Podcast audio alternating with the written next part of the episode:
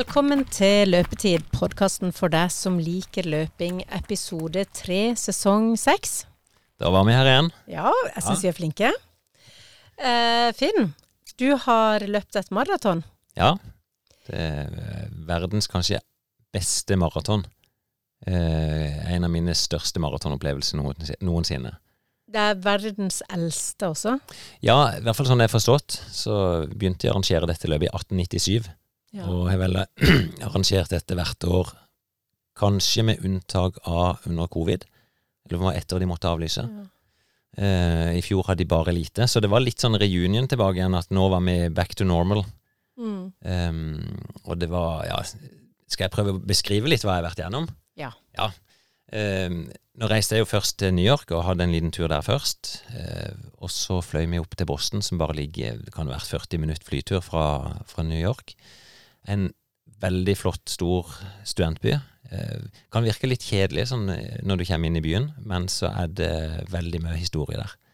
Så dette er jo her Mange av europeere, når de reiste til USA på er det 1700-1800-tallet, Mm. så kom de inn via Boston-området, og det Jeg vet ikke om du har hørt om Boston Tea Party, eksempel, som var utgangspunktet for løsrivelsen fra England, Mm. der de endte med å kaste en haug av te fra, av bord fra både da, som kom med te fra, fra utlandet. Nei, Det, ble, det var vel et ganske blodig slag også. Det var ikke bare te. Det var vært mye blodig slag oppi der. Um, nei, og der, eh, det var jo en liten delegasjon fra byen, med gode løpere òg. Kristian Kjørnholm, en som het Ole Mikael. Tørsdal fra Haugesund. Hadde med Erik Bergersen, en som het Yngve Mathisen. Ehm, så vi var ei lita sånn gruppering fra Kristiansand. Uh, det løpet er veldig spesielt, for det er jo et A-til-B-løp. Mm. Uh, Du blir kjørt i gule skolebusser fra, fra Boston, da. så det, det må jo være 1000 busser. Det er, det er 30 000 deltakere som skal fraktes 42 km. Var det noe eh, sånn På alle sånne filmer og sånn, så er det alltid noen som blir mobba på de der skolebussene. Klarte du det? Det var ingen mobbing. Ingen Nei, buksevann? Ikke noe buksevann. Nei, men det er en eh, ganske utrolig stor logistikk. Mm. Eh, men veldig organisert, da. Så vi møtte opp eh, kvart over syv på morgenen. Løpet skulle starte klokka ti. Og det, det ser ut som det er 30 000 uteliggere som er på vei til start. Eh, normalt så er det jo sånn at du kan Når du er på start, så kan du ta av tøyet og putte i en pose, og så kan du hente det ut igjen etter løpet. Men her var det sånn at det tøyet du kom med inn på bussen, det, det er det tøyet det, Du så aldri det igjen. Så da la du fra deg det på start, og så bruker de det til å donere bort, da. De vasker det og, og sorterer ut det som kan brukes, og så gis det bort. Åssen så du ut? Du, jeg hadde gjort en liten tabbe, for jeg hadde ikke gjort grunnarbeidet godt nok. Jeg tenkte at jeg kan jo bare sende ting med tilbake. Eh, Så jeg hadde den nye klubbdressen med meg. Så jeg måtte gjøre en sånn nødløsning der jeg ofra en genser. En av de vanlige genserne jeg hadde. Og så en super, supertrøye. Så var, heldigvis også var det varmt nok. Det var vel ti grader, tenker jeg, på start. Og sol. Så da var det godt nok, da. Så jeg hadde en caps med Tomatgutta-logo på, og en vanlig genser. Og en super under der. Og så var det konkurransetøy, da. Ja. Nei, så du busses jo til start. eh, Du blir lempa av et område med jeg vet ikke, noen hundretalls toalett. Det var vel egentlig det som var der. Lukter urin og, og dårlig. Eh, og så når det nærmer seg start, og det var vel en, en liten time før start, så blir det annonsert at eh, løperne må begynne å trekke fram. Og det er jo et sånn veldig puljesystem, da. Du er pulje 1, eller Wave skal de det vel. Så Wave 1, det var pulje, eller vårt startfelt med 10 000 løpere som da skal fram til startstreken. Er det, på, er det ranka på tid, da? Ja, Det er det. Og inne i en wave så var det åtte det de kalte corals, altså korridorer. Eh, og vi var i korridor én, da. Så vi var blant de aller, aller første. Og faktisk alle oss som sprang eh, sammen her, vi var i den. Det, men det er jo gode løpere. Det er jo løpere som løp fra 4.28 til 4.37, vel, i, pers fra før. Så det er gode løp. Ikke fire, to. Er det, Ja. noen, er det noen du blir starstruck av å se når du står sånn? Nei, det er ikke det, altså. altså det, um, jeg er nok ikke en som blir sånn veldig starstruck av å se folk, altså. Men jeg kan jo være imponert av folk, hva de har fått til. Ja. Så nei, altså, vi, til slutt så står du på startstreken. Eh, den amerikanske nasjonalsangen blir sunget av en eller annen student. Eh, og du vet, sant, du, du, du blir kjørt ut disse 42 kilometerne, du vet hva du skal tilbake igjen, og det føles uendelig langt. Og så var jo usikkerheten Du vet at dette er, det kjent som ei tøff løype. Eh, det er veldig mye bakke. Og du vet jo at etter 32 km så skal du opp Heartbreak Hill. Mm. Eh, En sånn legendarisk motbakke. Kommer kanskje på det verst tenkelige tidspunktet i løpet. Så Er det på en måte uaktuelt å gå? for min del så er det jo det. Eh, Mm. Det er vanskelig å springe fort hvis du begynner å gå. Mm. Så nei, jeg hadde jo litt lavere skuldre, for jeg, jeg hadde ikke helt motivasjonen til å, å gjøre tipp topp maratonoppladning i forkant, men jeg, jeg gjorde de viktigste øktene og, og var sånn, forberedt på distansen. Eh, men jeg var Jeg følte meg både tjukk og utrent når jeg sto på startstreken i jeg, helt, helt framme med eliten. Ja. Nå er det riktignok sånn at eh, et kvarter før vi starta, så sender de ut et rent elitefelt. Det er de som kjemper om å vinne løpet, da. Så eh, vi starter sammen med ja, kanskje løpere som springer fra 2,20 oppover, da. Som er veldig Det er fort. helt vilt. Det er helt vilt. Det er ganske fort. Så, men jeg visste at det, sannsynligvis så kom det til å, å bli tøft mot slutten. Så meg og han som heter Yngve, vi sprang ut sammen og passerte vel 10 km på 36,5 minutt, som ja, blir det for noe? 16 km i timen da, kanskje? I, Det er helt vanvittig. Og da sa jeg til han at eh, du, nå, nå skal jeg bare roe litt ned, for jeg visste jo at eh, fortsetter jeg den farta, så springer jeg jo rett inn i veggen. Og det klarte jeg, at jeg bare roa gradvis ned og passerte halvmaraton på 1,21. Eh, nei, 1,18 var det vel. 1,18. Mm. Som var, jeg skjønte at det er litt for fort. Og så roa jeg enda litt ned. Kom i mål på 2,41. Og et vanvittig folkeliv. Eh, og her springer det jo Dette er jo andre påske, da. det er en fridag. Eh, Så, og det virker som det er veldig sånn tradisjon for at da, alle de som er hus altså det, det er folk som, som reiser til Boston for å oppleve maraton. Og jeg traff jo noen i, ja, på kafeer sånt i forkant og etterkant av løpet som hadde reist fra andre deler av USA bare for å oppleve maratonatmosfæren. Ja, uten å skulle løpe sjøl. Ja. Bare for å se på. Nei, og det, det er mye student. Du springer gjennom en studentby der òg. Etter 20 så er det en sånn spesiell plass der Visstnok har det vært en tradisjon da, at uh, disse studentjentene stender og deler ut kyss til de løperne som vil. Så der kan du jo bruke mye tid hvis du er den, den interessen. Men de sto jeg og tok high fives, da, så jeg tok sikkert eh, 500 high fives bortover der. Det var et strekk på ja, sikkert en kilometer. De bare sprang med hånda bare pop, pop, pop, pop, pop. Og stendig med plakater. Er det sånn da at når du på en måte er ferdig med det, så har du løpt en kilometer uten å tenke at Ja, eh, det er jo sånn. Jeg bruker publikum litt. Det er jo at eh, Hvis en er litt sliten, så, og du kommer til et område med veldig mye publikum, så mm, de sovner jo litt vekk. Det er jo bare en strøm av løpere. mm, Men det er bare å løfte armene et par ganger, så er det jo et jubelbrus uten like. Ja. Så nei, veldig fint. Du, du springer fra tettsted til tettsted, eh, og til slutt så ender du opp Du begynner å se skyskrapere nede i Boston, og du ender opp da midt i Boston sentrum. Mm. eh, og springer inn Paradegata, og, og passerer jo der, der disse to bombene smalt i Ja. var det 2013. Eh, de er markert òg, de, på hvor de var.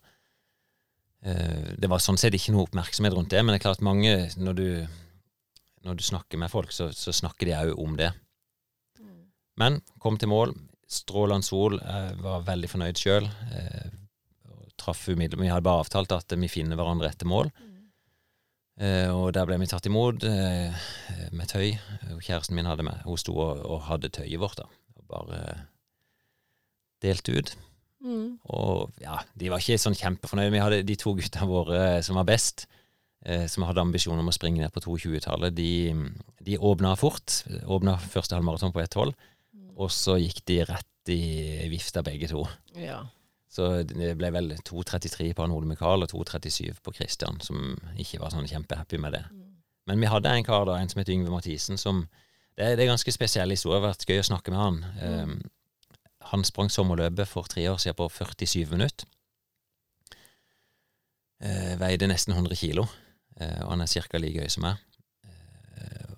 Og så fikk han virkelig sånn der smaken på trening, og nå sprang han maraton på 2,36. Det er vanvittig. Det er fort. Det er vanvittig historie. Ja.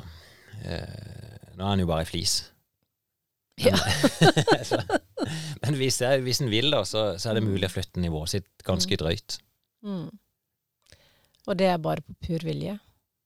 Ja, jeg vet ikke, jeg, Inntrykket mitt er at han har det greit med den treninga si òg, altså. Men det er klart, all den treninga inn mot et maratonløp, det er ikke sånn Det er ikke alt som er lystbetont. Du blir litt, eller i hvert fall blir jeg litt treningslei, da. Ja. At det, det, du må liksom tre deg inn i den drakta bare for å få det gjort. Mm. Så, og jeg syns nok når det var bare fire-fem måneder siden forrige maraton, så jeg gikk inn i dette maratonet med å være litt treningslei. Mm. Så, og da nei, jeg trenger ikke ha de høye ambisjonene nå. Nei. Jeg er veldig fornøyd med å springe på 2,41, da. Så Ja, du holder deg jo fortsatt veldig som en veldig habil løper. ja da, jeg, jeg syns det. Ja, så det Jeg, jeg fikk jo spilt inn litt, så vi kan jo ta en liten eh, Jeg har vel en åtte-ti minutter Ja. fra både før løpet og rett før løpet, og rett etterpå vi kom i mål. Ja. Så vi får inn og høre. Sånn, vet du. Ti på syv mandag morgen og klar for Boston Marathon. Eh, da driver jeg jeg akkurat vært og dusja, smurt meg inn med vaselin. Det er en sånn egen omstendelig affære å gni seg inn med vaselin i skrittet og under armene og på puppene. Og nå kom jeg på at jeg burde teipe brystvortene, så da skal jeg ta og finne noe plaster til det. Det, det er ikke avgjørende, men det er mest sånn plagsomt etterpå, hvis du kjenner at du gnisser nesten all huden på puppen og begynner å blø. De som har fulgt med over tid, så husker jeg kanskje at Eivind gjorde det i New York med blodpupp. Så jeg har tatt på meg konkurransetøyet. Det er jo bare en shorts og en T-skjorte. Og så jeg jeg begynte å ta på meg det tøyet jeg skal kaste fra meg. da. Og det var jo så dårlig forberedt som du ikke skjønte at det blir en super som jeg kjøpte til Vasaloppet, og så blir det en eh, sånn Norge-overtrekk. Litt glad i den, men den får gå. Og så blir det en genser. Og så er det jo Så har vi fått en plastikkpose vi kan ha med oss på bussen. Den var en gallon. Den Ja, det, jeg vet ikke søren hva jeg skal ha med oppi den. Bananer, kanskje. Og en Gatorade som jeg hadde kjøpt. Det er to bananer. En er en Snickers. Gatorade med tre. Og så har jeg noe ost og skinke som jeg sitter og tygger litt på. Mm. Den var greit. Mm. Ja, så har jeg lagt fram neglesaksa i går, men neglene mine er fine. Det er bra. Ligger skoene klar. Munnbindet ligger klart. Det kan jeg like godt oppi. Får jo ikke med seg noen ting tilbake, så alt en tar med seg til start, det, det blir gitt bort eller kasta. Og det må Ja, det er med meg, det må passe oppi den der Gellen-sekken. Da er vi klar. Um, snakker med de andre gutta. De er på bussen, så de treffer om 20 minutter. Så vi får ta en sånn siste pep da når jeg treffer de, før vi setter oss om bord i bussen. Jeg er litt spente, for vi føler at vi gambler litt av med å komme seint til bussen. Men de begynner å gå så ustyrtelig tidlig, så vi har ikke lyst til å sitte i det startområdet da altfor lenge. Så nei, vi gleder oss. Ja, vet du, er vi klare, gutter? Ja, fy faen. Klar som et egg. Vi skal i køen. Jeg må ta med litt der òg. Hva sa du? Er det langt oppe? Ja. Kristian er klar, Yngve er klar, Ole Karl er klar, Erik er klar, Finn er klar. Det er et sånn hektisk ompakking nå. To grader kanskje, sol. Alle som skjønner her, er munnbind. Var Kristian eh, live eller på podkasten når du snakket med han? Nei. Nei. Nei da. Stemmer ikke hørt noe. Ole Mikael han har det høyeste målet. Bare gi meg et halvt minutt til, gutter. Det er meg de satser på i dag, altså. Vi satser alle, alle kan ligger i kurv. Jeg skal ned og springe mot eh, 2.25, kanskje, hvis han kan klare det. Med Erik som første skal fullføre, kanskje bare under tre timer. Han har hatt litt trøbbel. Det er ganske god stemning. og Det ser ut som en gjeng med uteliggere som skal på tur.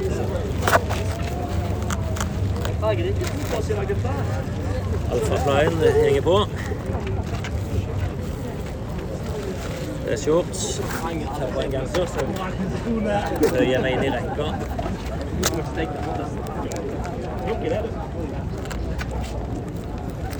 Jeg satt igjen noen sko, og jeg med et håndkle. Og jeg er klar. Lykke til. God tur, da. Snakk målstreken, da. Da var vi i mål.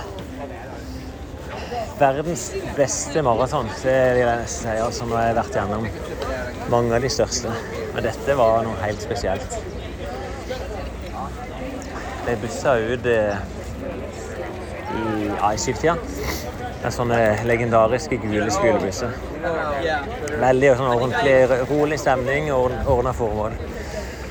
Og bussa helt ut til starten. Det er jo et A-til-B-løp, så det var litt over fire mil ut.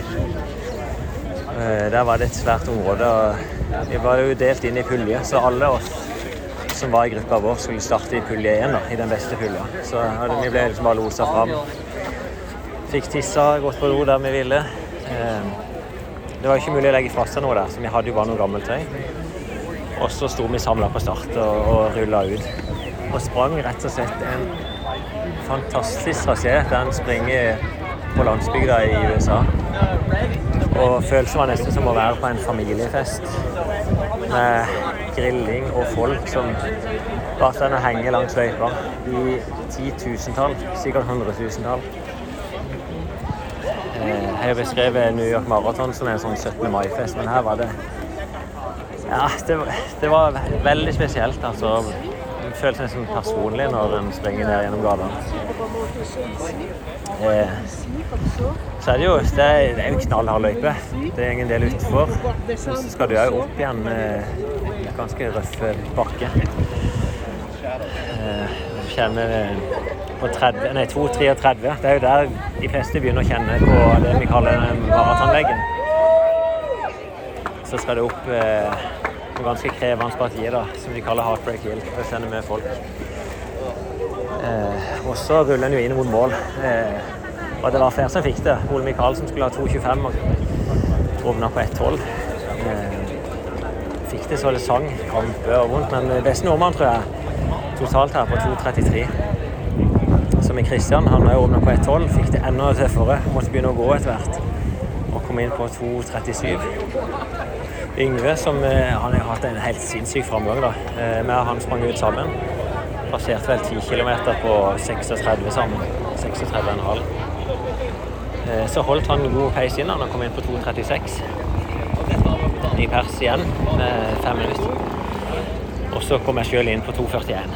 Eh, Var på en helt fantastisk reise. Jeg visste jo at jeg ikke var trent for å stå den distansen.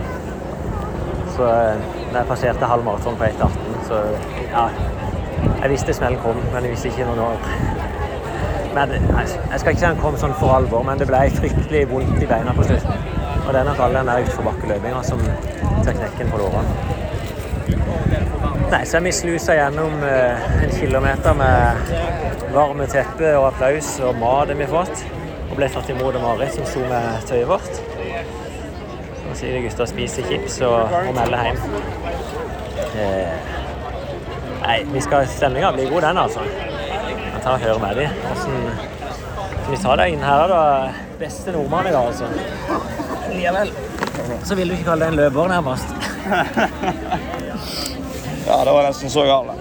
Oi, da var det krise.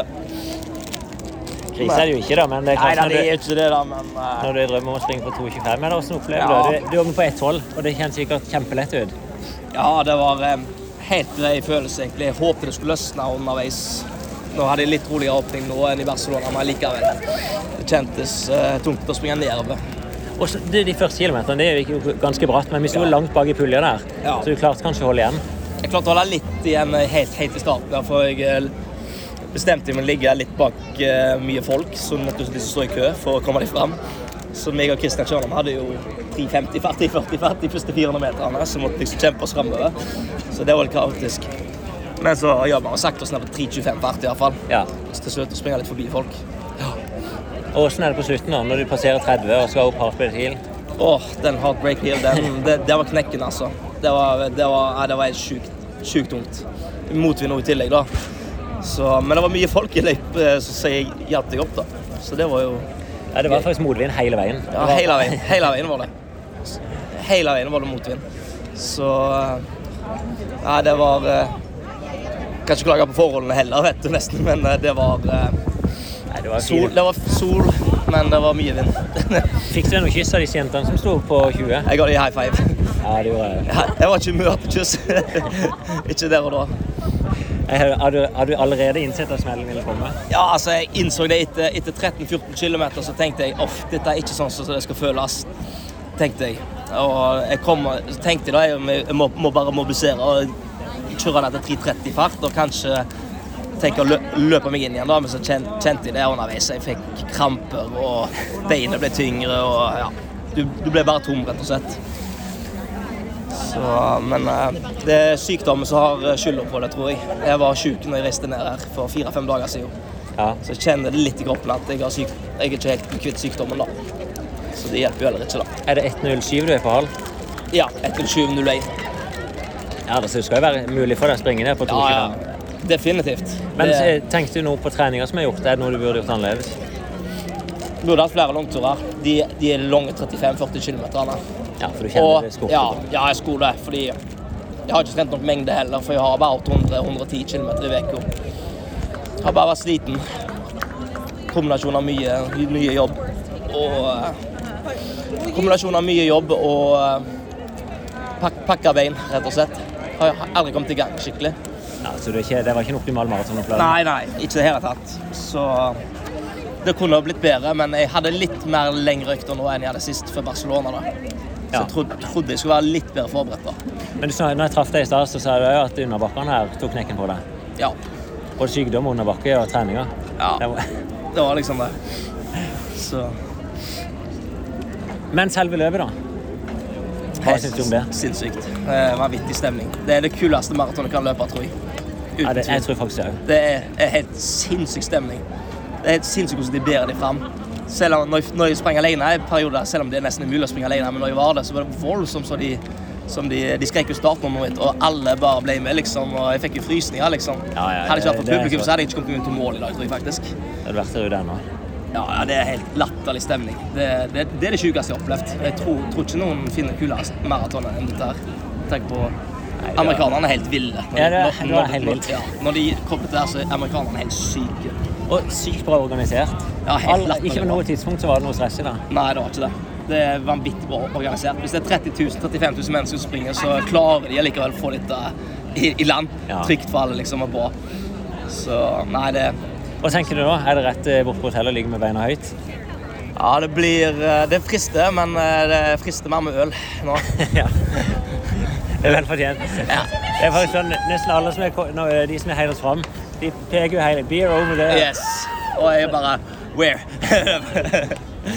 så det frister alltid. Nå skal vi bare få Erik Bergersen til mål, så eh, skal vi ta og begynne å bevege oss. Men det er bra. Grattis. Du er i mål. Du har gjennomført maraton, og vi skal være fornøyd med det.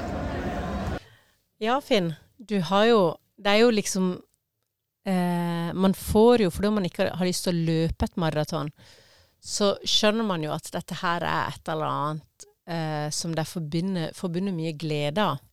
Ja, jeg opplever det, altså. At det, det er noe positivt og, noe Altså, det å nå et sånn type mål Mm. eh, En ser jo det at her har folk forberedt seg, og det, når du er i det målområdet, så ser du nesten utelukkende bare glede, Ja. og folk er fornøyd. Mm. Det det forundrer meg nesten like mye at publikum står der og hyler og roper og syns at dette er gøy å se på. ja, fordi At det ikke de er heller vil være med sjøl. For det, jeg vet ikke hvor mange publikum det er. I New York så snakker de om at det er to millioner publikummere. Jeg, jeg tror ikke det er så mange her, men at det kan være oppimot en million, det tror jeg er sikkert, som kransløypene på veien her. Ja, det er jo vanvittig. Mm. Ja, det har, jeg har jo aldri vært en sånn som har stått og sett på heller, så eh, Jeg kan huske det var en stund det var sånn sykkelløp i Kristiansand. Da var det også veldig mange folk som sto og så på og sånn. Ja, ja. Det, Ja, så det er jo nei, men idrett skal jo være positivt. Ja. Så Nei, jeg håper selvfølgelig at folk kan la seg inspirere, og, og, men òg delta på sånne ting sjøl. For selv om jeg springer fort, så er jeg jo liksom helt, helt på spissen av fronten på det feltet. mm. Um, det, nå er dette et veldig tøft løp å komme med på, for her er det jo tidskvalifisering, men uh, det er jo bak i løpet magien skjer. Mm. Der opplevelsene er enda større. Og sikkert er jo Ja, jeg tør nesten ikke tenke på de som ikke er egentlig så godt forberedt på dette løpet, sånn som vi er. Vi er jo tross alt bare ute i to og en halv time. Mm. Så det, det er jo mange som er det mye vondt på veien, eh, men de er lykkelige når de kommer til mål. Men du har jo sagt at dette ikke er et sånn et godkjent løp, for hvis det er ikke lov til å ta liksom rekorden der. Men er det likevel et løp, for eksempel hvis noen skal løpe ett maraton, er det et, et av de du kunne anbefalt? Absolutt. Ja, ja, det Over jeg- New York? Jeg, jeg, jeg er vel litt, litt i tvil. New York er sånn en spesiell by i tillegg. Mm. Um, jeg ville tatt begge. Men det er klart, de har jo noe som De har World Majors, som er seks maratonløp, som er liksom Det er de som I hvert fall de lagde en serie på, da. Mm. Eh, Jeg har vært med på fire av de nå. Det, da jeg løpt i London, jeg løpt i Berlin, løpt i New York, løpt i Boston. Og da vil jeg nok rangere Hvis jeg skal ta Kanskje New York på topp, Boston hårfint nummer to. Ja. Og så ville jeg kanskje sagt London, og så Berlin. Mm. Hvilke to mangler du? Da mangler jeg Tokyo. Mm. Det må være kult. Ja, jeg tror det. Um, det, det ryktes visst at det er vanskelig å komme inn der. Mm. Og det siste, nå kommer ikke jeg på hvor det er, men eh, det er et løp i USA, det. Australia? Å ja. Nei, det er USA, det òg. Mm. Chicago er det. Ja. Ja. Og jeg traff noen som sa eh, nei, det er kjedelig, det må du ikke reise til. Oh. Og så traff jeg en annen som sa at eh, eh, Chicago, det er det aller beste. Dette er ingenting, sa han. Dette er kanskje en tidel av det du kan forvente i Chicago. Så. Og kjenner jeg deg rett, så tenker du hm, da må jeg nesten prøve det. Ja, men målet er jo å sånn. gjennomføre alle seks, altså. mm. Så Mm. Så du er ikke helt ferdig med den eh, kjipe treninga? Nei da, sånn sett så kan jeg si at jeg er motivert som, eh, som noen gang. Eh, men nå tenker jeg at eh, nå skal jeg være med på liksom Holmenkollstafetten, vi skal arrangere noe stadionmil, sommerløp, og så har jeg lyst til å komme i form sjøl og springe fort. Altså, jeg springer jo fort, men det er jo ei grense som heter 2,30 på maraton, som hvis jeg skal klare den Nå begynner jeg å nærme meg 50 år. Det høres helt grusomt gammelt ut, altså, men jeg er jo 47 nå, blir 48 år. Ehm, så må jeg nok gjøre det i løpet av to-tre år. Hvis Ja. ikke, så er det for seint. Kanskje. Nei, Ja. kanskje ikke. Problemet er at jeg vet hva som kreves, Ja. både med trening og liksom livsstil. At det, ja, jeg må være bra Det må være et bra overskudd for at jeg skal orke å gå inn i det. ja. Og så er det jo eh, maratonsesong og tomatplantasjesesong er litt sånn på samme tid. Ja, men tomatplantasje tar ikke mye tid. Nei, er, ja, det, du skal være interessert selvfølgelig hvis du vet at vi driver med tomatgutter og, Ja. og lager Norges beste, eller verdens beste tomat i Norge. Mm. Eh, Men vi har 100 tomatplanter inne i et drivhus, og vi satte de jo ut nå før påske, Mm. og det holdt hardt. Eh, Det er jo ikke noe strøm og oppvarming i det huset, så vi har kjøpt inn to gassovner. Ja. Eh, Og selvfølgelig, dagen etter vi hadde satt de inn i huset, så begynte det å snø. Og det, når du har natt Altså, hvis det blir frost, så dør plantene. Da er de ferdige. Eh, Men de skal jo òg sette røtter og, og faktisk overleve og suge til seg vann. Og det, hvis det er noe særlig mindre enn ti grader i jorda og i huset generelt, så sliter de. Ja. Så vi hadde litt sånn trøblete inngang ja. til påska. Men nå er det, nå er det virkelig trøkk der nede. Så de 100 plantene er vel mellom 1,50 og 2 meter høye nå. Så bra. Og den første tomaten ble spist i dag. Ja. Gul eller rød? Det var faktisk en sort. Oh. En plante som heter black crim, som vi driver og leker oss litt med forskjellige typer sorter. da. Ja. Så dette er fra Krimhalvøya. Eh, og de blir ja, de er røde og sorte, da. ja. Det Jeg har jo sett i butikken. Ja. Sånn rød og sort. Litt i tvil om, eh, liksom, om folk vil ha det. Eh, For min del så er det ikke så estetisk, syns jeg. Nei. Det er liksom, Er det skittent, eller hva er det for Ja. Men eh, ja, når vi er 100 planter, så er vel på om det er seks planter med som er sorte. Ja. Det kan være fint å dekorere. Men du, det er jo en Vi har jo vært litt dårlige på å svare på spørsmål og på å følge opp. Eh, men nå bestemte vi oss jo for at ikke vi skulle snakke om alle de tingene vi har vært dårlige på. Men eh, Lasse, han har skrevet til oss, eh, eller jeg tror jeg vil si at han har skrevet til deg. Jeg har skrevet til oss, da. eh, eh, han ønsker da å vite hvordan han skal best trene seg opp til maraton. Eh, Mm, og han har lagt inn en del i forhold til sånn tider og hva han har løpt på før, og det er jo du desidert best på. Ja, det kan du si. Eh, Jeg, jeg må bare, en sånn en avsporing da. Vi har jo en podkast som heter I det lange løp, Mm. med Jan Post og Christian Ulriksen. Eh, Han Kristian har drevet og jaget 2,20 nå i fem år. Han har Mm. løpt 2,21 for i 2017. Og siste to årene så er han jo nesten drevet profesjonelt. Han sa jo opp jobben, og han har bodd sammen med Sondre Nordstad Moen. Ja, det er han, ja. Ja, og han endte opp nå med liksom, det endelige forsøket, så endte han på å springe på 2,23, eh, som er to minutter dårligere enn han har gjort før. Og jeg snakka med han etter løpet, og da sier han det at eh, etter ja, fem år da, med å lære seg maratontrening, så han har aldri vært mer forvirra. Eh, han har aldri visst så lite om hvordan han skal forberede seg til et maraton. Mm. For når du får alle inputene, så blir pl plutselig ting vanskelig. Ja. Så når du spør om åssen skal han trene seg opp til et maraton, så da, da, vil jeg gå helt tilbake igjen til det som jeg lærte av Jack Waitz i sin tid, når jeg skulle løpe mitt første maraton. Mm. Det handler nummer én få best mulig kapasitet, altså sånn at du kan springe inn ti km ganske fort. Og så må du ha tre langturer på 30 km pluss. Mm. Og så må du ha tre turer som er cirka, litt mer enn halv maraton, i den farta du skal springe. i. Som er lavere enn halv maratonfart? Altså da springer du i maratonfart, mm. ca. et halvmaraton. Mm. Hvis du gjør det, da er du, da er du gjort 95 av jobben. Hvordan så. vet du hva ditt din maratonfarta? Nei, det, det er ikke så lett å vite. Du, du skjønner jo litt det etter hvert når du trener, du springer intervall. For veldig mye av intervalltreninga du gjør Se, Hvis du gjør ei typisk intervalltrening med, på 10 km, da, 10 ganger 1000, så vil du normalt ende med å springe kanskje i 10 km farta di. 10 km til halvmaraton. Eh, og da må du plusse på ca. 10 sekunder på kilometeren, så er du maratonfarta, cirka. Så, men de fleste begynner jo litt sånn i andre enden og sier at jeg har lyst til å springe en maraton på Mm. det som Lasse skrev, er da 3.30. Og jeg har løpt en 10 km på 45 minutter. Er det mulig, og hvordan skal jeg trene? Um, nummer én, ja, det er mulig. Absolutt mulig. Um, han, allerede så springer han jo fortere enn 3.30 fart når han springer 45 minutter på 10 km, så det er et godt utgangspunkt. Um, og da, når han har et halvt år på seg eh, Nå sendte han riktignok dette spørsmålet for et par måneder siden, men han skal springe til høsten. Um, og hvis han kan flytte 10 km siden ned til kanskje 43-42 minutter, så vil jeg si at det er ingen problem å springe på 3.30. Så, men hvis vi skal si, nå skal vi ikke forvirre så mye mer enn det å si at en må ha noen langturer.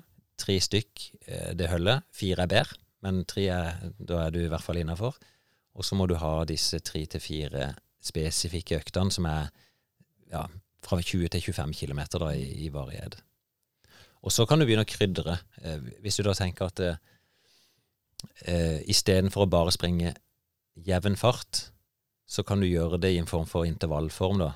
Eh, Mhm. Det er sånn vi holdt på der vi har løpt, for eksempel. km kilometer litt fortere enn maratonfart, neste kilometer litt saktere. Så gjør du kanskje det i 20 km. Eh, neste uke så springer du 2 kilometer maratonfart, 1 kilometer litt saktere. Og så kan du øke det kanskje til fire kilometer i maratonfart, én kilometer litt saktere. Og så kontinuerlig arbeid, da. Men, Så- men, men eh, alt det begynner, det blir sånn ja. veldig finkrydra. men si da at du står da på målstreken og skal eh, løpe, da, og du vet de maratonfart. Mm. Så sier jo du det at man kan aldri begynne rolig nok. Skal man begynne under maratonfart, eller begynner man på maratonfart? Ja, du tenker at du prøver Hvis du klarer å ligge på snitt hele veien, så er det det beste. Eh, og så vil det jo alltid være noen hensyn i forhold Sånn som i Boston, så er første ti kilometer eh, en del utfor, men ispedd med noen motbakke. Så du må, du må klare å ha litt is i magen. Jeg visste det at hvis jeg skulle klare 2,40, som var sånn cirka der jeg sikta, så er det blir det? 3,45 er det det på kilometeren, tror jeg. Noe sånt. Ja, jeg, Ja. Eh, men når det går utfor, så når jeg så at vi lå litt under 3,40 og ned på 3,35-tallet, så er det sånn, det er helt greit, for det går utfor. Men da må jeg òg tåle at det går opp imot fire blank når jeg springer oppfor. mm. Så, men, men snittfarta er fasit. Og persen på maraton, da sprang jeg de to halvmaratonene med ett sekund forskjell. Ja. Så liksom 1.17,22 og 1.17,23. Mm. Og, og det er tilnærma optimalt. Mm. Så, men du er jo aldri sikker, sånn at eh, når du setter i gang, så du må jo ha bestemt deg at det er dette som er målet mitt. Og det er alltid sånn på løpsstand så sier jeg det viktigste jobben du gjør, det er å holde deg til planen. Mm. Selvfølgelig ting kan skje, men hvis den føler seg lett, ikke lytt så mye til det. Da, da Nyt heller de første 30 km på å ligge på målfart. For det skjer plutselig ting på et maraton. Ja. Uh, hvis en skal eksemplifisere med de to gutta som jeg fortalte om i Boston, så åpner jo de på ett hold. De ser begge to de er kjempespreke i beina. De ligger an til 2,25. Eh, og så spurte Kristian når, når ble det stopp, eller når skjønte du at ikke det ville gå. Ja, det var mer eller mindre etter han passerte halv. Så det henger liksom fra at dette er veldig lett, til at oi, shit, jeg har jo ikke gjort jobben. ja. Så hold planen, og så hvis du er på 30 så, og kjenner deg fortsatt veldig lett, så kan du begynne å øke. Men, men det er alltid dumt å ta noen sånne store jafs underveis. ja. Men jeg tror Lasse vet hva han skal gjøre nå. Lasse, ja, han eh, Jeg var jo veldig sånn generell, og hver mann må lage sin plan for hva som passer med sitt liv. Han spør litt om mengde òg, for å springe på 3,30 så vil det si fem-seks mil i uka. Da, da er du i stand til å springe 3,30 hvis du gjør disse spesifikke øktene. Og så når du i forkant, da, for det å gjennomføre de tre-fire spesifikke langturene og de tre-fire spesifikke eh, turene rundt maratonfart, det gjør du i løpet av to til tre måneder. Så det er ofte sånn pla- Maratonplanen kan være ti uker, eksempel. Og fram til det så er jo normal trening typisk et par intervalløkter i uka på åtte til ti kilometer. Det er sånn som jeg trener sjøl. Jeg tenker bare få opp kapasiteten, delta på noen konkurranse på ja, fem kilometer, ti kilometer, av og til en halv maraton, og så seks til ti uker klargjøring til maraton. Mm. Da er du 95 Og det er nok, jeg syns altfor mange de, de kan komme liksom og si jeg skal springe maraton i 2024, og jeg trenger så og så lang tid til å trene seg opp. Det er bare nei. Du kan springe maraton i år. Mm. Ja, men eh, Og kanskje 2024 er så langt fram at man blir lei på veien, da. Ja, eller så da betyr det ikke noe heller. Så jeg, jeg tenker ofte litt sånn korte, oppnåelige mål. Ja. Men en trenger ikke alltid ha skyhøye mål. Eh, Jeg er sånn sett veldig glad for det nå sist, at jeg klarer å, å si at ja, men jeg trenger ikke sette pers, og jeg kan likevel være kjempefornøyd Mm. og gå rundt med medaljen etterpå. ja. Og det er jo fordi du nærmer deg 50. Er det det? Ja, og Ja. det er en veldig fin ting. Så bra. Det høres veldig rart ut når du sier at jeg nærmer meg 50, selv om jeg sa det jo sjøl. Ja, ja, det var bare derfor jeg sa det, fordi du sa det sjøl. Hvis ikke så hadde jeg aldri funnet på å si noe sånt sjøl. Men vi kan snart si at jeg også nærmer meg 50, så vi, det, det gjør ikke noe, det. Men eh, vi har jo også før, rett før du dro til Faktisk samme dagen du skulle dra på ferieturen før Boston, Ja. så fant du jo ut at eh, du kunne eh, ta treningsøkta di på Kristiansand Ultra. Husker du det? ja, ja, selvfølgelig. Ja. Så da eh, stilte du opp der. ja, jeg vet ikke om jeg ville gjort det for et maraton, eller ei uke før et maraton der jeg hadde et skyhøyt mål. Men for meg så var dette en grei måte å, å få løpt uh, ei sånn passe spesifikk økt. Dette var jo 21 km i terrenget, og jeg, jeg visste jo at i Boston så ville jeg bli banka i lårene. Så um, tenkte jeg greit, Kristiansand Ultra 21 km, det banker meg jo litt i lårene. Og um, du var jo til stede. Ja. Ja. Så vi kan jo gå inn og så høre litt ifra Kristiansand Ultra. President, arrangør for KRS Ultra. Ja. Hvordan er stemninga? Det Stemninga ser du jo er jo helt topp. Ja.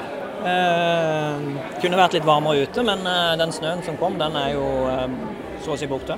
Så det er jo kjempeforhold i skogen. ja, for det var det jeg var litt sånn spent på. Er det egentlig bra at det var litt snø? Blir det litt sånn fart, liksom? Jeg tror eh, ikke det var dumt. Jeg må, jeg må ta den. Ja. Det kan være noen som har skada seg. Jeg må ta vass. Eh, dette er jo da uh, Han vi snakker med nå, det er jo Thomas Ørderud, som vi har hatt med oss i podkasten før. Han er da arrangør for uh, KRS Ultra. Og Julia og meg har eh, kommet og skal stille på løp. Eh, vi er, dere kan høre at det er en del sånn murring i bakgrunnen her, og Derfor er vi er inne på Aquarama, som er her hvor starten går til Kristiansand. Eh, Det er mye proft treningstøy. Og her ser jeg noen gutter jeg kjenner, som, eh, eller som jeg nesten ikke kjenner igjen, for å si det sånn. Hei. Hei, hei. Er du klar for eh, hele halvmaratonet? Ja. Skal du være med? Nei. Nå kom eh, eh, Thomas tilbake igjen. Du, det lurte på. Hvor mange melder seg på et ultraløp i Kristiansand? Nei, nå har vi jo overliggere fra 2020, da, siden vi var første løpet ute som ble avlyst. Når vi ble truffet i mars. Eh, og så var vi litt uheldige i fjor og traff på ei bølge da. Så nå hadde vi 184 eh, påmeldte. Og det var vel rundt 110 som starta. Ja. Så noen flere enn vanlig som ikke stilte til start. Ja.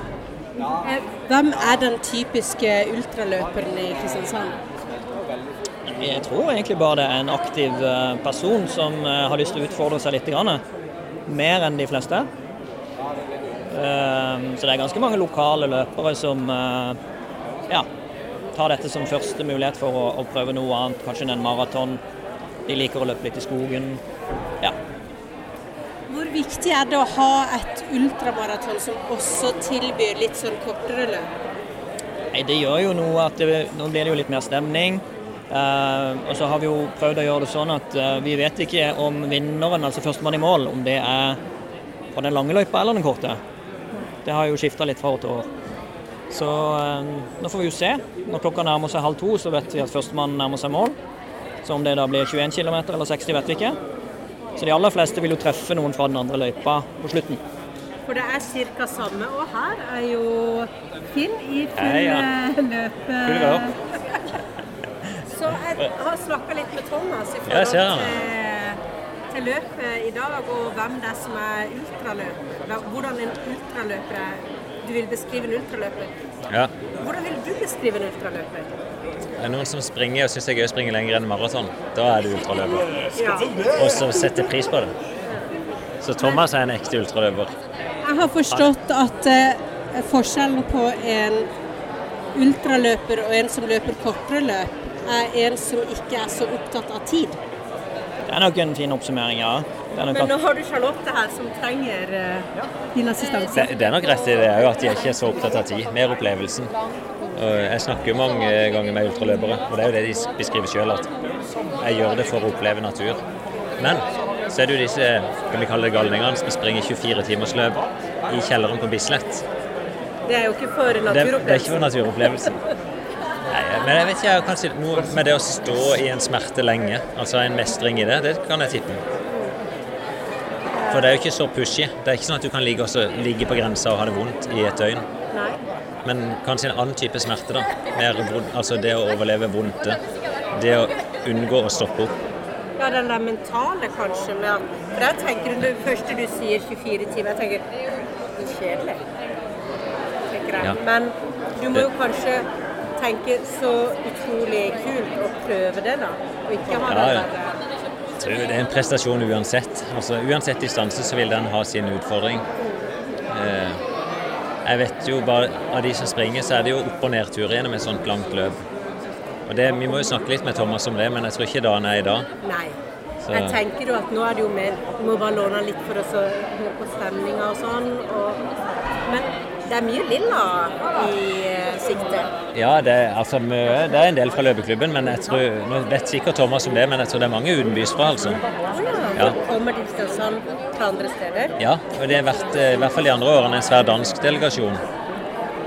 Så Nei, for det, det er jo ikke så mange av de store ultraløpene. Akkurat den halvmaratonen vi skal være med på nå, den kan jo alle ta. Men 60 km som starter klokka ni, der er du litt røffere.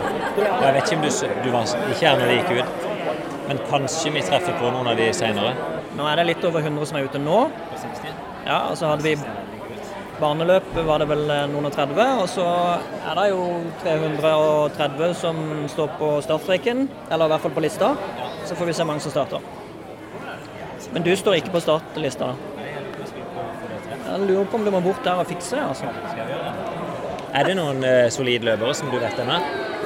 Ja, det er vel Ståle Gjelsten løper. Ståle springer fort. Ja. Ja. Overlever, ja. Så jeg tror han kan leke med hvem han vil uti her i dag. Ja.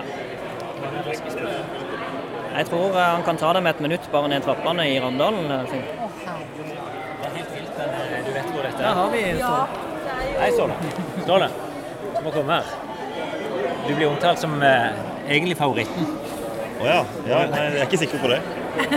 Det er, vi eh, har jo den podkasten Løpetid, Ja. så vi skulle bare I dag skal vi bare sjekke litt stemninga og sånn.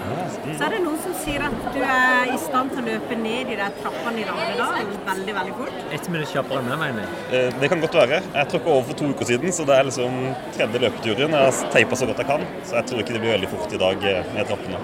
Men du er, er du O-løper? Ja.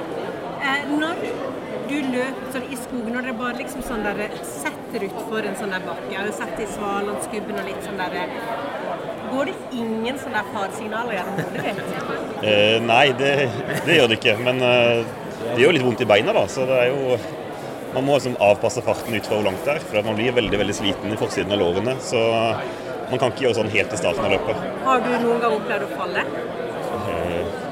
Eh, Sånn, Ja. sånn ordentlig sånn eh, nei, ikke ordentlig ordentlig. Men eh, jeg har tryna nedoverbakke, det har jeg. Mm.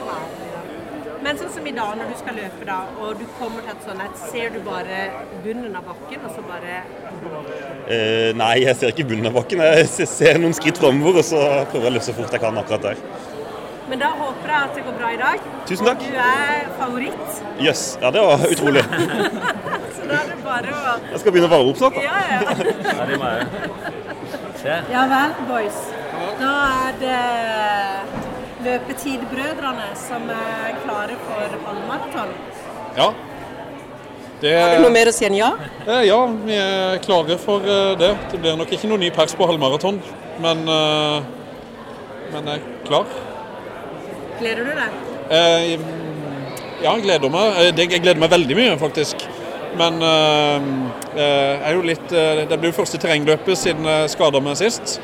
Og alle terrengløp jeg løp i fjor, så knuste jeg mobiltelefonen. Så håper ikke det skjer igjen. Så Alltid med mobilen du stemmer det. Ja. Så det blir smash. Men det, jeg, skal ta det, jeg skal ikke legge igjen livet i dag. Eh, Jeg satser jo mot stadionmiler, stadionmila, så jeg skal ikke gjøre noe dumt. Så ha det gøy, ja. Men eh, samtidig er jo skal ikke det lufse rundt i skauene. i dag. Skal, skal kjøre på, liksom. Men du, Steffen. Ja. På en skala fra 1 til 10, hvor irriterende tror du broren din blir på veien i dag? Sju? Nei da. Det kommer an på hvem man løper med, det. Skal ikke løpe med deg? Nei, han skal ikke løpe med meg. Nei. Nei, Så det kommer ikke til å irritere meg, i hvert fall. Men eh, hva er greia? Plutselig skal du stille opp her? Du, eh, det er litt gammelt eh, Et gammelt mål som har tatt meg opp igjen, egentlig. For, det, for, for halvannet år siden da jeg kom i gang, så, så brukte jeg påmelding her som, som en motivasjon for å komme i gang. Og så kom korona og utsatte, og så ble det forskjøvet et år. Og så hadde jeg egentlig glemt hele greia vekk. Og så fikk jeg mail på søndag at eh, er du klar, her er startnummeret ditt.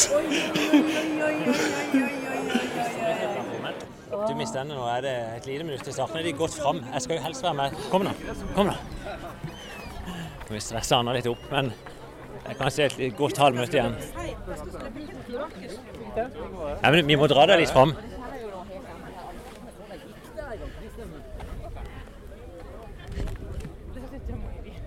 Nå ser vi de gjør seg klare. her. Ca. 300-350 løpere. Anna er småstressa. Ja, for det, jeg hadde jo en annen plan. Da er det et halvt minutt igjen. Du, må lykke til. Takk i like måte. Eh, jeg håper jo at jeg finner der hvor jeg skal eh, snike, sånn at Ja. ikke jeg plutselig ender opp med å løpe hele. Det gjør det. Opp med sykehuset. Opp med sykehuset. Lykke til du også, da. Hva sa du? Lykke til til deg også. Jeg skal bare ut og pose meg. Ti, OK, kom da. ni, åtte, sju, seks, fem, fire, tre, to, én. Der! God tur! Se alle med klokka. Har du tatt på klokka di? Nei, jeg har ikke det. Jo, jeg har det. Den er grønn. Hvorfor ikke. Løping. OK, OK. ok. bølgehager. Se her, nå, der kommer krutøyet. Der er vi. Jeg er grønn. Marit er der. Jeg er grønn. Okay. kom igjen. OK, girls, da er vi i gang. Dette er jo egentlig søndagstur, så vi har et publikum opp her. Søndagstur med publikum en dag på tidlig. Men det er jo Har vi avslørt at vi ikke skal løpe så langt? Ja da. Ja, det hadde jeg godt. Jeg, jeg, kan ikke, jeg kan ikke lyve. Der var Sånn at Vi tenkte at det var greit å legge seg bakerst. hvis du skjønner. Vi kommer ikke lenger bak enn bakerst. Så Ja. Jeg har jo en sånn rar greie med en gang alltid de første stegene, uansett hvor kort jeg skal løpe, så angrer jeg. Angrer alltid at jeg begynte å løpe. For at du gadd dette. Ja. Derfor kan bli så fascinert av folk som alltid snakker om de tre første kilometerne som den verste. Så tenker jeg jo Det er jo de, er jeg eller de beste. Det er jo jeg helt rett. Det er jo der vi vidt begynt å bli varm. Men eh, eh, å, sånn. Godteri. Det ligger godteri der. Vingummi, seigmenner, melkesjokolade. Hva vil du ha? Saltsild, potetgull, appelsin, cola. Vi har, eh, vi har 180 halvannenliter med cola. Vi har boller med og uten rosiner. Vi har chips. Brødskive med Nugatti, brødskive med salami. Det er jo et ultraløp. Det er jo, du må jo ha sportsmat. Ja, det er så, skjønner at Tommy, hva tenker du om dette? Jeg tenker at du er en ultraløper. Da, da jeg løp ut, så hadde jeg en liten analyse om at eh, folk ser litt annerledes ut Mm. i stilen på sånn ultraløp enn på sommerløpet f.eks. Ja, okay. Det er liksom sånn en Det er litt mer sånn Litt mer skjegg? Litt mer skjegg, Ja. litt mer sånn rare kombinasjoner. Det er liksom sånn en annen stil, da. Ja, det, er- ja men, eh, men ultraløpere er jo en helt egen, eh, en helt egen type mennesker. Så nå kan jeg jo ikke la være å kommentere at jeg ser Er du i ferd med å bli en ultraløper? Nei, jeg håper ikke det enda. Men eh, altså, jeg liker jo å løpe med disse ultraløperne. Jeg springer jo veldig mye sammen med dem. Ja. Jeg bare springer ikke like langt. Nei. Eh, Og det, er det innafor, eller får du liksom litt sånn sorte fårestempel? ingen som bryr seg. Nei. Nei. Så eh, det, egentlig så er opplegget sånn som jeg ser det, at jo, jo, jo lengre folk springer, jo mer laidback er det i forhold til hvor langt, hva andre gjør. Men da tenker jeg at den analysen min er litt riktig, da. Ja. Det, er, det er ikke så stramme drakter og raske briller her som det er på sommerløpet. Nei, men det ligger to-tre stykker kniver i front på dette 60 km-løpet. Ja. Og de har raske briller, raske sko og springer fort. De er rett bak deg, egentlig. De, er, de, de burde være her i løpet av 20 minutter. Så har de runda Det er nå 13.29. De starta klokka åtte. De har snart runda 60 km. De har kanskje fire igjen nå. Det er jo veldig Det er jo en enorm prestasjon. Ja. Og jeg sto på, på vannstasjonen som var på 23 når de kom der, og de bare løp forbi. Ja. Men er det lurt? Hvis de ikke trenger vann, så trenger de ikke vann. Jeg tenkte at du måtte fylle på litt mye sånn Ja, men det vet de sjøl. De kjenner kroppen sin. De vet akkurat når de trenger noe. Så det, det lurer de ikke på. Men da eh, mitt, På mitt første ultraløp så løp jeg 10 km. Ja, men det er jo fint. Det er en begynnelse. Det er deilig med en liten 10 km på en lørdagsformiddag. Første løper inn er faktisk Ståle, som vi snakka med i begynnelsen. Han som var O-løper, som var så god til å løpe i nedoverbakker. Så han er faktisk vinneren av KRS Ultra i dag. Han løper jo da halvmaraton. Så nå står vi Og og da har vi. Ståle Gjelsten, som ser ut til å bli førstemann inn. Der kommer, kommer Ståle Gjelsten. Bra driv. 13.38 er klokka på nå. Fantastisk. Bra jobba. Han i mål. Han ser ikke sliten ut engang. Ståle, favoritten. Tydeligvis, ja. Det holdt helt inn til mål. Ja, det gjorde det. Hvordan var løpet? Eh, nei, jeg var vel alene mesteparten av løpet. Hadde, Det må du jo ha vært. Ja, jeg var to Ola Svaland var litt bak meg fram til halvveis, og så, så gikk han datt han av. Men du virker jo ikke sliten engang. Nei, jeg hadde en plan om å ikke ikke løpe så hardt i dag, så derfor tenkte jeg ikke var favoritt. Men det, ja. Åssen gikk det nedover bakken? det gikk bra. Det, teipinga fungerte, så jeg er veldig fornøyd med det. Veldig bra. Gratulerer. Tusen takk. Ja, det er, er jo veldig ærlig og sier jo Jeg løper jo ikke eh, halvmaraton på ultra, så jeg har jo ikke vært med på Kristiansand Ultra. Men vi fikk jo stede, i hvert fall. Jeg var til stede, og jeg var ikke bare publikum. Jeg fikk med min ti kilometer.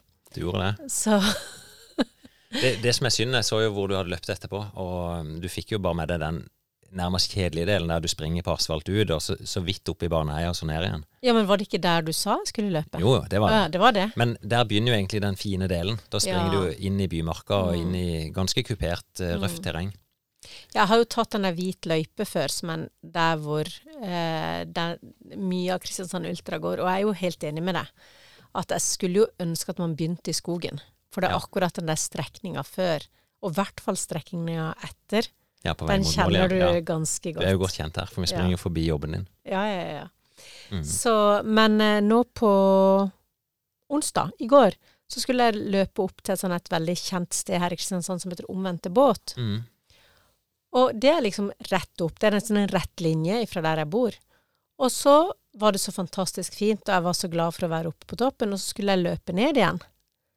Og så løp jeg feil. Å ja.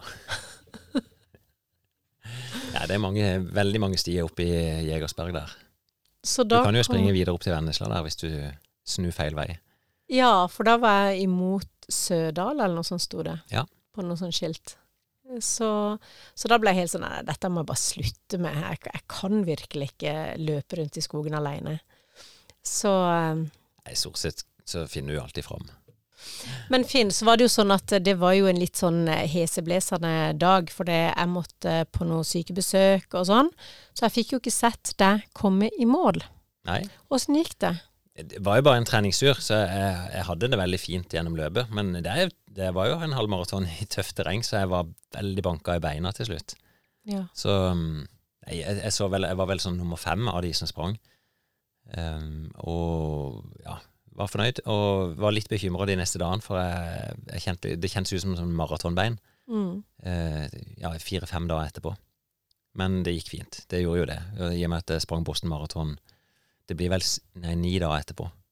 For dette var en lørdag, så Boston gikk jo på mandagen halvannen uke etterpå, da.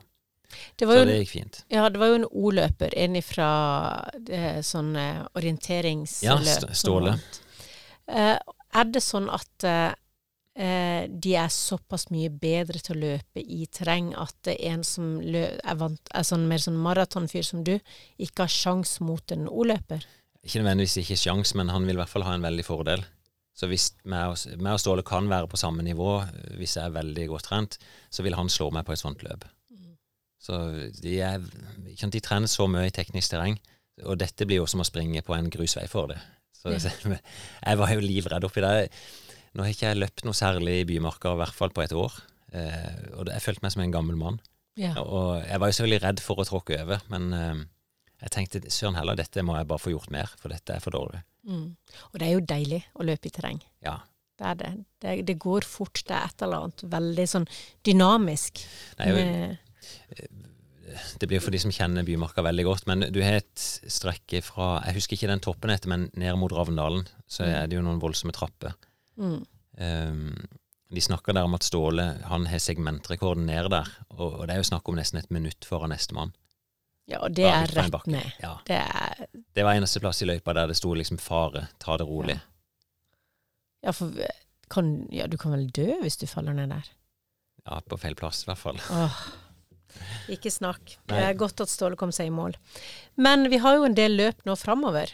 Du, ja, det er jo litt eh, slag i slag. Mm. Eh, det, det største og første løpet er vel eh, Nå skulle jeg til å si at Holmenkollstafetten kom først, men det gjør det ikke. Vi skal arrangere stadionmiler på Kristiansand stadion. Dato? Det, ja, det er neste lørdag, så vi snakker eh, 7. mai. Ja. Eh, med noe mellomdistanse. Så der blir det Det er først og fremst mosjonen der i år. Eh, noen som skal prøve å ta NM-krav. Eh, men det, det blir en fin, et fint arrangement som er vel sjette-syvende året vi arrangerer det. Det er jo der annet det ble satt norsk rekord på 10 000 for noen år siden. Sondre Nordstadmoen på 27-24. Så det skal noe til at noen springer fortere enn det. Det kan være at noen dukker opp plutselig. og Det er jo gjort, det ene året kom jo Henrik Ingebrigtsen, og det, da fikk jeg telefon samme dag. Så, Ja. Så du har ikke fått noe sånn Det er ikke noen navn som vi kan Nei, ikke noe sånn supernavn der ennå. Så får vi se. Nei, og så skal vi ha klubben inn til Holmenkollstafetten. Ja, det så dere la ut. Det var veldig søtt. Det var sånn der Hvem vil være med i elitegruppa? Hvem vil være med? Liksom sånn der Ja, og det Jeg ser Det er en sånn trend at uh, folk er ganske treige å bli med på ting akkurat nå. Ja. At, uh, jeg vet ikke om det er en sånn covid eh, at folk blir litt satt. Eh, Jeg får tilbakemeldinger som at eh, ja, Jeg vet ikke om jeg vil bruke en hel dag i Oslo for for bare å springe 1000 meter. Ja. Eh, tidligere har vi jo hatt eh, tre-fire lag der inne, og, og klart å gjøre det litt stort, men nå er det liksom, nei, litt sånn sassy. Så jeg, vet ikke, der vi risikerer det er at det kun blir et elitelag. Da blir det et elitelag fra oss, og så blir det et, eh, et damelag fra KIF. Det er i hvert fall eh, bestemt. Så mm. Det er også en folkefest. Absolutt. Eh, Jeg snakka med arrangøren der for et par uker siden. Da var de vel rett i underkant av 2000 lag som var påmeldt. Så er det jo bare å gange det med 15 personer, så er det jo i hvert fall 30 000 mennesker som er der inne. Mm. Um, ja, jeg syns jo det er kjempegøy. Jeg har vært der, nede, vært der inne sikkert 30 ganger og løpt mer eller mindre alle etappene til slutt. Mm. Det var jo ett år hvor han her Northug stilte.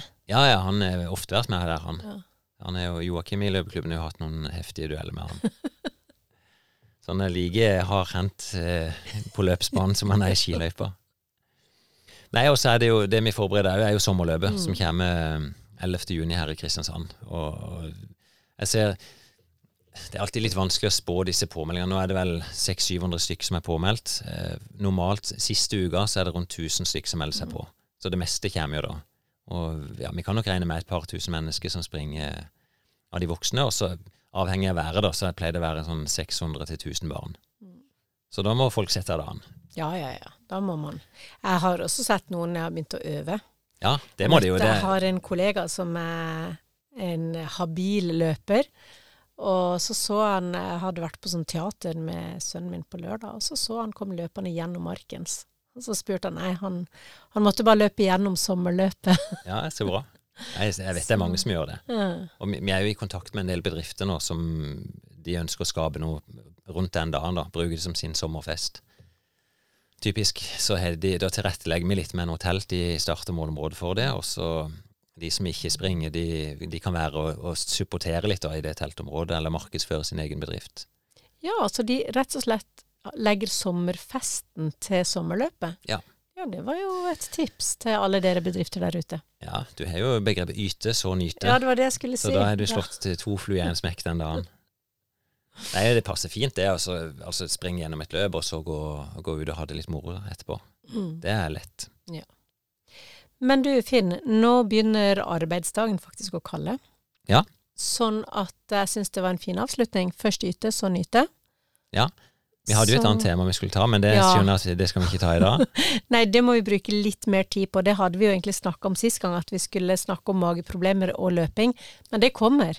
Ja, jeg, jeg, jeg var ikke helt klar over liksom hva du pensa inn på, for du snakka om liksom magen og litt vondt, og, men det var rett og slett bæsjing vi skal inn på. Og problemet er det, at en må på do. At en må på do mens Ja. man er ute og løper. Og det er veldig kjedelig. Og at Det- det kan sette en liten bremser for at folk gidder faktisk å gå ut og løpe. Ja, men det skal vi snakke om. Mm. Det er fint. Ja. Så hvis noen har noe de ønsker å dele i forhold til det temaet, så er det jo også bare å melde oss. Så tar vi det med oss eh, når vi skal ha om det i episoden Ja. en gang. Du, god trening. God trening.